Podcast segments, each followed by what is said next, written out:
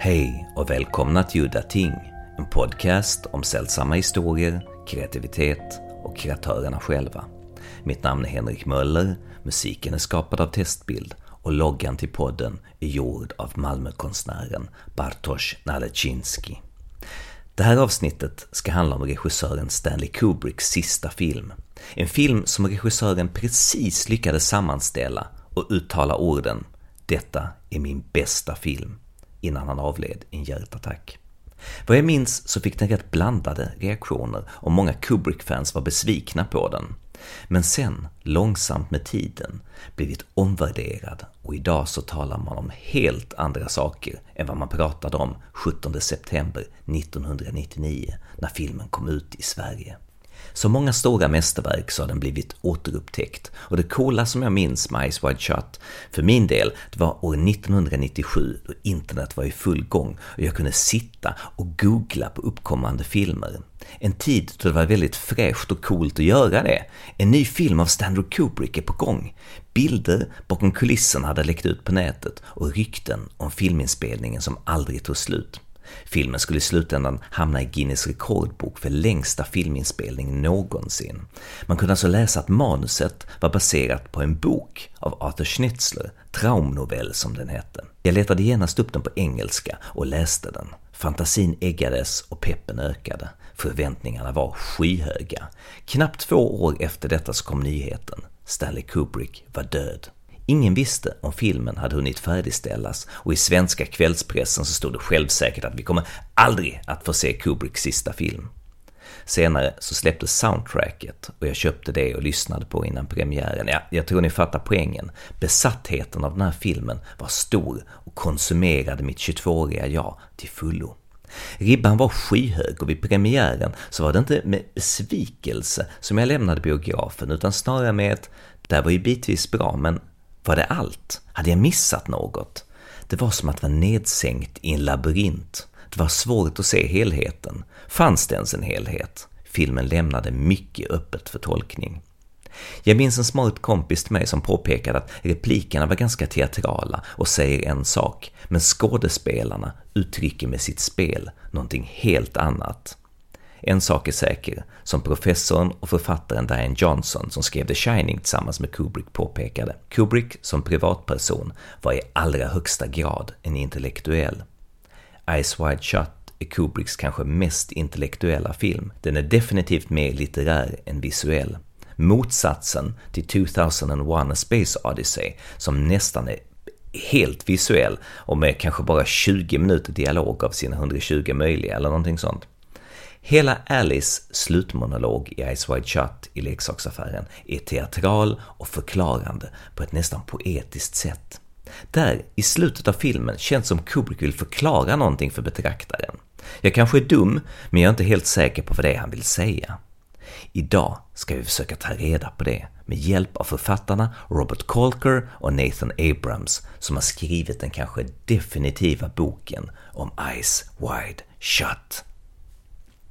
How did your interest in Eyes Wide Shut start? My interest started because when I first saw it, when it first appeared in the theaters, I didn't like it at all. I worse, worse than didn't like it. I hated it. I couldn't imagine what Kubrick was up to. So I decided that because of that, it needed a lot more attention. So I kept viewing it and viewing it and teaching it and writing about it and finally came to terms with it and then decided that it needed a really close uh, investigation of how it came to be. And um, Nathan joined in this, and uh, with his extraordinary research capabilities, um, we produced a making of.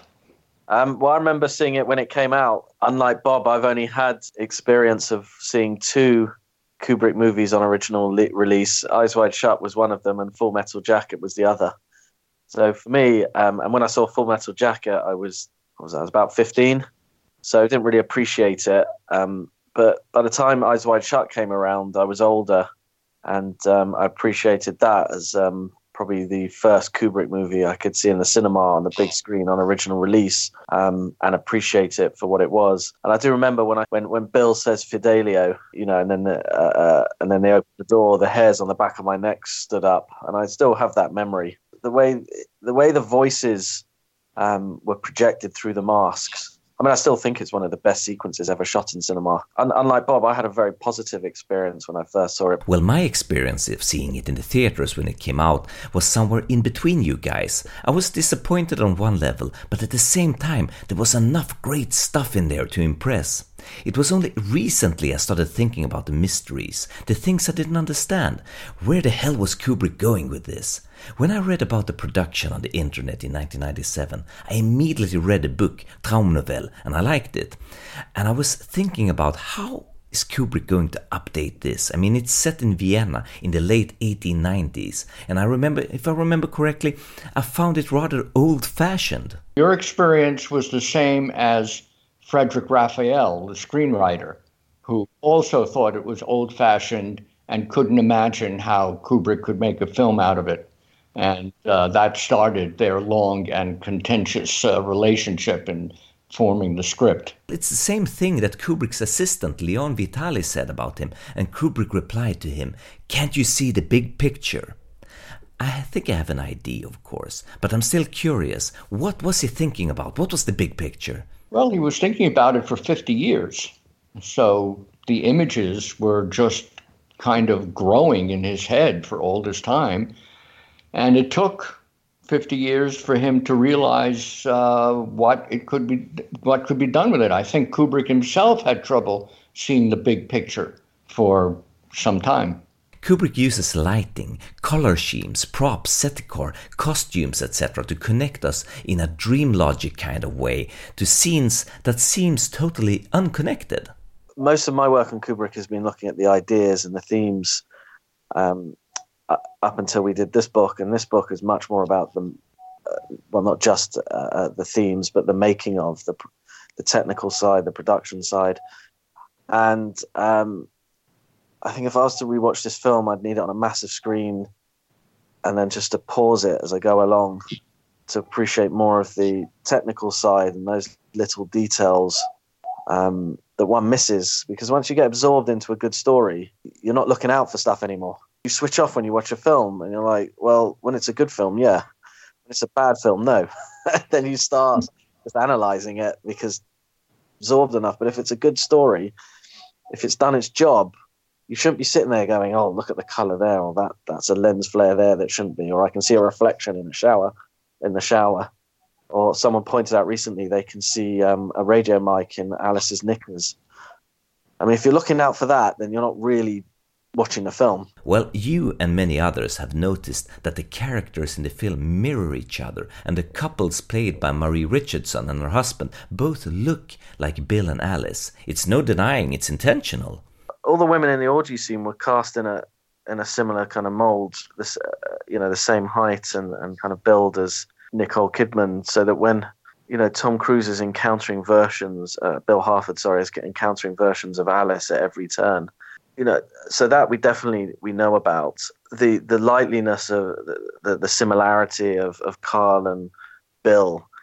Whilst we don't have written evidence, you can see that they're version, they're doppelgangers, um, doubles, and then we, we see that again with with Bill and and um, Nick Nightingale, and again what we have is an actor director in Todd Field, and uh, Ziegler as well, played by an actor director in in, in, in Sydney Pollack. So you do get these resonances.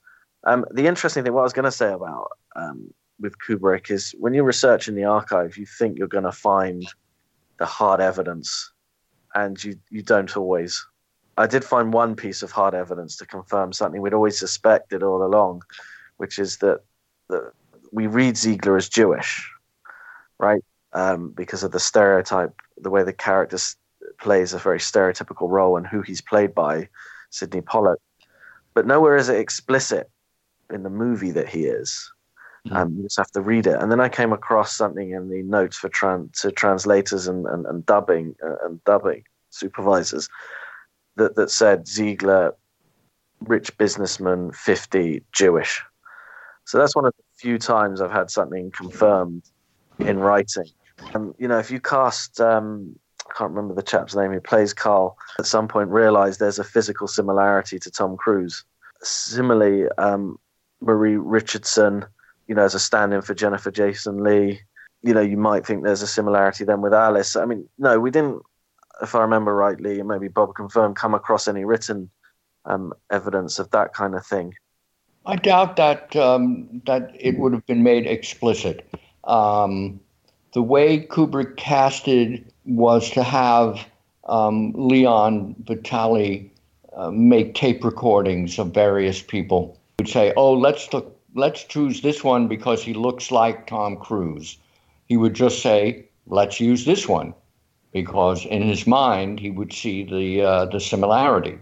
As yeah. to the color scheme, that um, the color scheme is just so plain and simple, and yet so complex. I mean, they're really about four or five basic colors uh, that make up every sequence or make up the, the various sequences in the film. There is nighttime. Uh, there are the golden glow of the lights, the green that indicates jealousy. Again, this is something that Kubrick would have worked out with Larry Smith, his uh, his lighting cameraman, and it might not, and probably was not, consciously said, "Well, let's use this color because." Kubrick would have said, "Let's light it this way." Yeah, one of the things that we found particularly difficult was to find, and then this is true of I think most of his films, is to find notes on casting for the major for the principal roles you might find on um, you know secondary roles, and there's going to be there's no sort of written evidence of that. Um, but just to give one example of a, a kind of where you might be referring to a coincidence where you see characters in one scene and again in another scene. Um, so there are two men in the Hamleys in the um, sorry the toy store toy store sequence at the end, and much has been made on the internet that these two men are also you can see them in the party sequence at the beginning. And these two men, you do wonder what two men are doing browsing in a toy store. Then Helena runs off, and you know there's lots of internet conspiracy about the presence of these men and the disappearance of their child.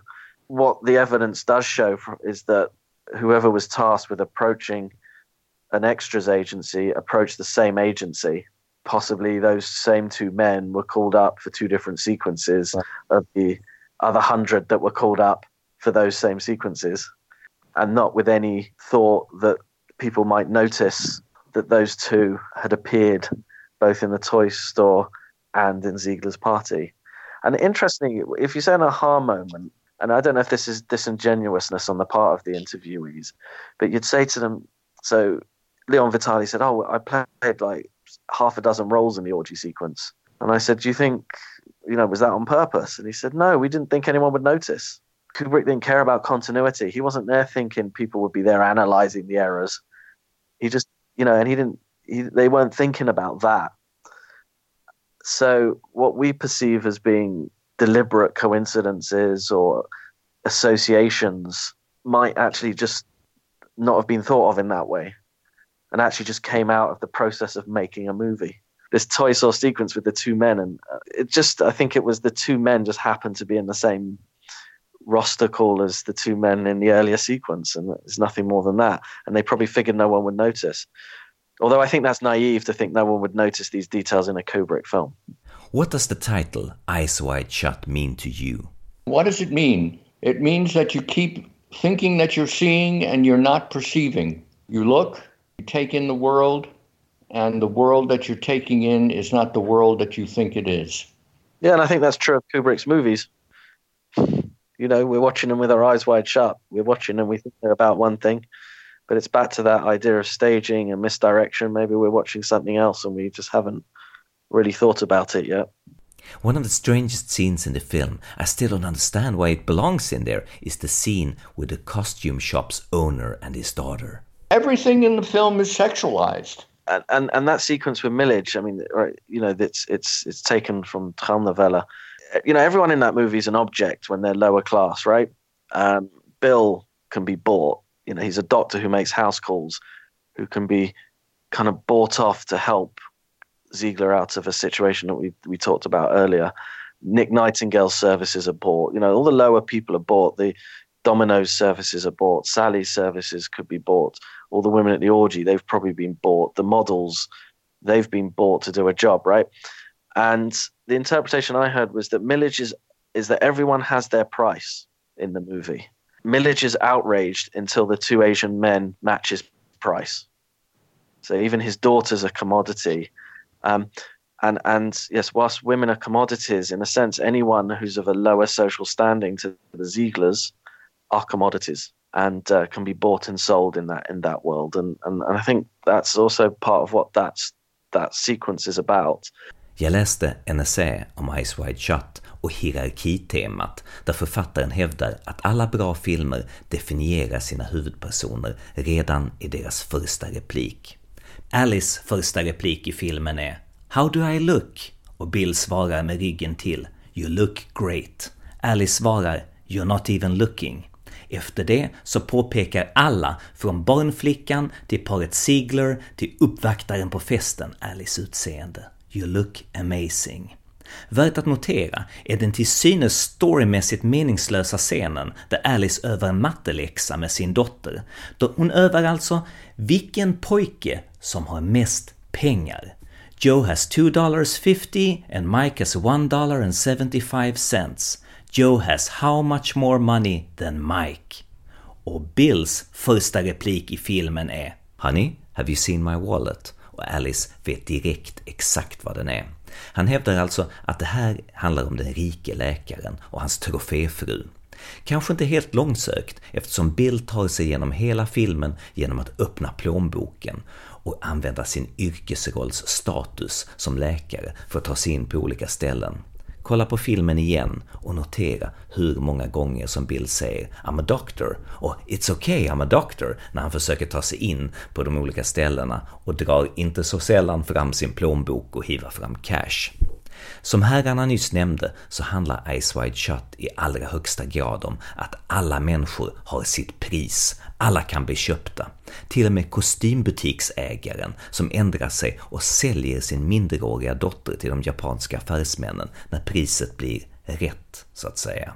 Well, things change, säger han när Bill förfasar sig över att polisen inte har tillkallats mot gärningsmännen. There was always a kind of comedic element as there's always been a comedic element to Kubrick's films. And, you know, in one sense, Eyes Wide Shut is a black, it's a dark comedy.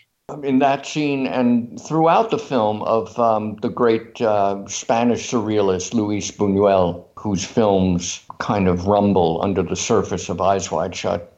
I don't know if I should put him in the same breath as Buñuel is Tarantino. I was rewatching Pulp Fiction the other day, and that's a film that Kubrick asked um, Raphael to watch. And you've got the sequence with the GIMP, right? Now, what's going on in the sequence is quite horrific, but the GIMP's there to provide light relief. And, and the kind of absurdity of these Asian gentlemen and their, their, their, their powdered faces and these pouches that they're wearing detract in some sense from what's actually going on in that sequence, which again is itself quite horrific. You know, one can see that. It's interesting. Again, I, I wish we'd noticed this for the book. But later on, um, Samuel Jackson's character says, "My eyes are wide fucking open." You know, possible influence for the title. He he says in a note on a screenplay he wants it to be uh, sort of pulp fiction, brutal, pulp fiction, dangerous. Again, one thing I wanted to add because you've referred to Raphael several times. Whilst Raphael is one of our key sources for for the writing of the screenplay, when Kubrick tells Raphael to watch the movie, he then makes these notes on the screenplay. But what's precisely in Pulp Fiction appealed to him, like Bob said earlier, we might never know. He might not have told Raphael. Kubrick told Raphael to watch um, uh, The Decalogue by Krzysztof Kieslowski, the Polish director. There's a lot of Kieslowski in Eyes Wide Shut, and Raphael was oblivious to it, didn't understand why, uh, why he should look at this. I mean, one of the um, phrases that Bob used that we sum up in the last chapter is in the epilogue is that. Forgive me if I'm not quoting directly here, Bob. But uh, is Eyes Wide Shut is a movie about the movies, or yeah. uh, it's a it's it's a history of film history. you know, there there are loads of references in there. With all due respect, all filmmakers are influenced by others. It's not a reference. I mean, I've never seen any conscious reference in a Kubrick film. There are there are moments in Kubrick Kubrick's films where he does make conscious reference. There's the um, the album cover of 2001 in the record boutique in Clockwork. You know, there so there are moments where he makes conscious reference to his own films. There's the line about Spartacus in Lolita, where he makes conscious uh, reference to his own films. Um, there's the Mickey Mouse uh, reference in uh, Full Metal Jacket.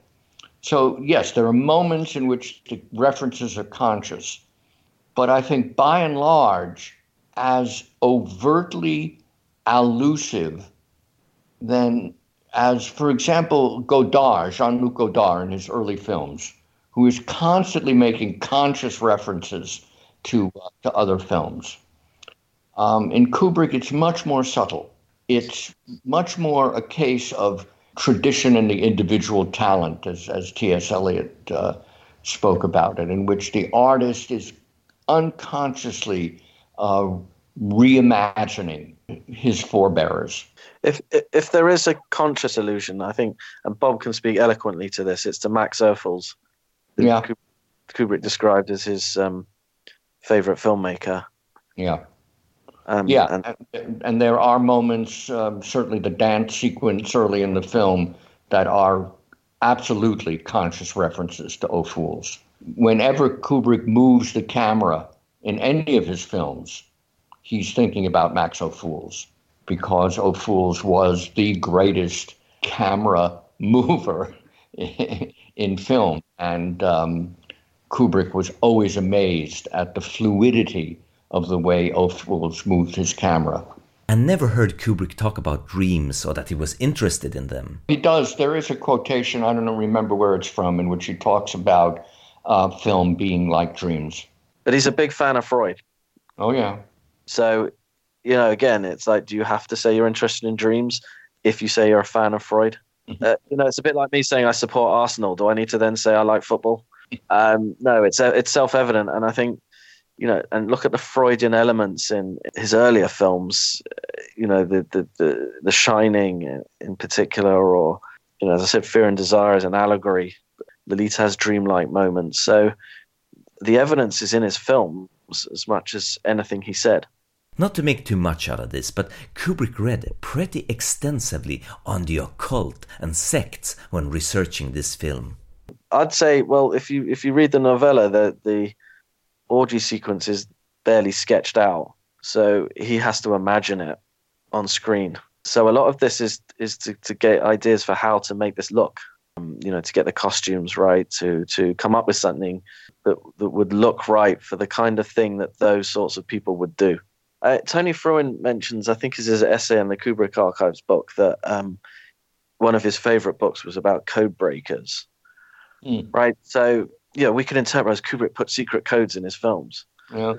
Just like reading about code breakers, you know? and maybe you just like reading about cults and occults. I mean, there, he, right. there is a quote somewhere from him that people, there is an element in the human personality where they like puzzles and and to solve puzzles and mysteries, right? Mm-hmm. And he probably shared that. You know, he played chess, so we can read too much into things he enjoyed reading. You know, we just have to relate to our own lives. Like I'm reading about Chernobyl at the moment. Am I going to write about Chernobyl? No. Am I? You know, I just that's what I'm interested in reading at the moment. The difference with Kubrick is we might think, well, he read this book, therefore, film is about the Illuminati. You know, I've read Dan Brown. Uh, uh, you know, I, I like reading those books, but but does it mean that there's secret codes in what I write? Well, not that I'm aware of. So I think we can sometimes make connections where they're not. It's a bit like what Ziegler says at the end of the movie a girl dies, you think she was murdered. So I, I think too much is made of all this. Well, what I meant was that he wanted to read up on the occult because that's what rich people used to do and indulge in. I mean, for example, the Freemasons. That's the way to uh, to address that issue. Um, not that the film is about the Illuminati, that because these are rich, really rich people indulging um, grotesque tastes that it is the same as what we imagine rich people to do. I think this is what the Epstein um, affair is proof that what we have always imagined rich people have done, these people actually do. They don't have to be Illuminati, they don't have to be a, a particular sect. They're just crazy rich people. And there's also just excess, you know. Excess, once, right. Once you've achieved one thing, you're like, well, I got to do the next thing, right? And and then once you've got so much money, you think, well, what's the next thing I can do, right? like Bob says, that doesn't mean it's a conspiracy. It just means they've they've got too much money to spend, and that's what they do.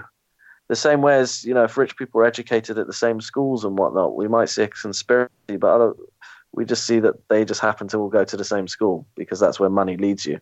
Right, and just because Kubrick made the most realistic looking fantasy space film doesn't mean that he faked the moon landing. Eyes Wide Shut is the kind of flip side to 2001. 2001 is all visuals, and Eyes Wide Shut is very dialogue heavy and seems to try in a poetic way to explain something with words. Henrik, 2001 is a young man's film, and Eyes Wide Shut is an old man's film. and there's the difference. I'm very pleased. To, I'm very pleased to hear that 40 is young. Could you elaborate on that? Yes, yes. Eyes Wide Shut is a film made with all of the accumulated knowledge and the accumulated filmmaking of all those years. It's also a film in which the director doesn't feel that he has to show off anymore, that he can be quiet, subdued, and leave a lot unsaid. Well, Kubrick always left a lot unsaid. I was gonna, I was gonna add. I mean, as you were talking about, what I was thinking of is, is as well that 2001 is kind of changes the genre, right? Um, right. You think of science fiction up to that point. Kubrick reinvented it. So if we go back to the 50s, science fiction movies were by and large bad. If we go back to the 50s and we go to Ophuls, who's making similar themed movies to Eyes Wide Shut, he's mm-hmm. making them very well then. Mm-hmm. So so to to excel in a genre that's very well rehearsed, you see where I'm going with this, is a lot more difficult and probably takes longer than to excel at a genre which you're reinventing because the previous films have been bad. I mean, if we look again at the uh, Full Metal Jacket as another example of that, you know, Kubrick makes a Vietnam movie after a spate of them. You know, shortly after um, Platoon, and then he's what does he do? He doesn't set it in a jungle he makes it urban, which goes against everyone's expectations. You know, if we'd had a hundred years of Vietnam movies or those kinds of movies, it's going to be a lot harder to make your imprint on that genre. I'm I'm just speculating on that now as as Bob was talking. It's kind of occurred to me that that this is why it has to be an older person's movie. What do you know about marriage until you've been married for forty years, right? Mm-hmm. You you can't make it when you're in your you've only been married for a few years. What do you know? And and how are you going to preach to those people who have been married for forty years? Right? Imagine if you're a 20 something making a movie about marriage, what are you going to say that's so profound to attract the audience of people who are older than you? Well, you know, that was exactly my problem when I saw it at 22 years old. I thought, I know more about this stuff than this director. I thought, is this the problem? The inciting incident that sets Bill off on his journey? That his wife had a sexual fantasy of another man? I mean, come on! I felt like this film was made by an old man from the Stone Age. I mean, his wife isn't even unfaithful to him. It was just a fantasy, and his whole world falls apart. So this is a total shock to Dr. Bill it's not that Bill's so shocked. I think it's Bill's smugness that Bill just thinks he knows Alice inside out. Kubrick and Raphael take delight in puncturing his smugness. But for me, the, the, the thing that, that I found um, shocking is not so much that she was going to leave him, but she was willing to give up her daughter, man she didn't know. That's the shocking revelation that I think any any any any father would would have to contend with. It's not you know people get divorced all the time now. That's a different, you know, that's one thing. You know, marriages aren't necessarily forever anymore, and and Kubrick would know because he had three of them. But um, it's it's children are forever, and and for a mother to give up, and that's very shocking. You know, even when you hear that now, when a when a mother has walked out on her kids, you know, people raise an eyebrow. Not when a dad does it. That's why I think the movie's bookended by Helena. You know, at the beginning to remind us of his paternity and remind that that's what she was willing to give up, not him. This is sort of my point in a way that it's a problem when you create a protagonist who does stupid things. I mean, uh, things that you can't relate to, where the fundamental decision Bill makes to go into the night and have sexual encounters because his wife told him a sexual fantasy. Well, you say that, but Tom Cruise was like one of the biggest stars in Hollywood at the time, so he, he kind of plays those characters, right? So, in a sense, we've been paying millions to follow these stupid characters. Well, I don't agree. In a good film, we, the audience, want a protagonist that is smart, but preferably even smarter and more skilled than we are. Cruise's characters are usually super talented and super smart, well, within the action film genre format, so to speak. The point is that in those films, you don't sit there and say, Come on, I could disarm that bomb better than you. But no, you're thinking of Mission Impossible. I'm thinking of these sort of uh, um, risky business and these um, cocktails and the third, the firm. You know, um, the firm's very similar movie to to to Eyes Wide Shut. Where I think you've got a point though is is different generations might view this now, and we might be a bit more savvy in the internet and um, era. Now, people would find it entirely implausible that people don't suspect that this is going on. You know, in the age of the internet most people would have some I would I would imagine have some awareness that there are suspicions out there that rich people are holding orgies. And back in '99, you have to remember, like the internet was new, like you said earlier, and uh, so we have to cast ourselves back into that period, not what, not just watch it as we do now. It's uh, like when you show students Psycho. It's right? a good point. Eyes Wide Shut is already a kind of period piece. Yeah, and a pre-internet period piece, yeah. which Kubrick hadn't reckoned with. It's like when we show students Psycho now, they laugh. And you're like, well, without Psycho, you wouldn't have all the horror films you like because we've watched this all out of sync. So part of what an, an older audience, a, a younger audience, sorry, has to do is watch older films in part for how they were then. That's a hard exercise, not just how we read them now. So you have to think, yeah, people could have been that stupid, as you put it, in 99 because we didn't have all this access. Um, not that we're any cleverer now. You know. On that note, folks, I need to go. well, thank you so much, guys, for talking to me about Eyes Wide Shut. You're welcome. Thank you. Thank you. And as a final comment on dreams and reality and Bill Harford's reaction to his wife's sexual fantasy, it's like people being provoked and flip out on movies in general. It's just a movie. Alice's fantasy, however provocative, it's just a fantasy. People have ideas and fantasies all the time. It's harmless. It's whether we act on these fantasies that make us who we are. Enjoying horror and violence, or be it nasty jokes in a film, is different from enjoying violence and nastiness in real life, and that ridiculous discussion must come to an end. Finally, I want to promote Robert Kolker and Nathan Abrams' book Eyes Wide Shut, Stanley Kubrick and the making of his final film. Pick it up today in the webshops. Och med de orden så var det slut för den här gången. Mitt namn är Henrik Möller. Musiken är skapad av Testbild. Hej då!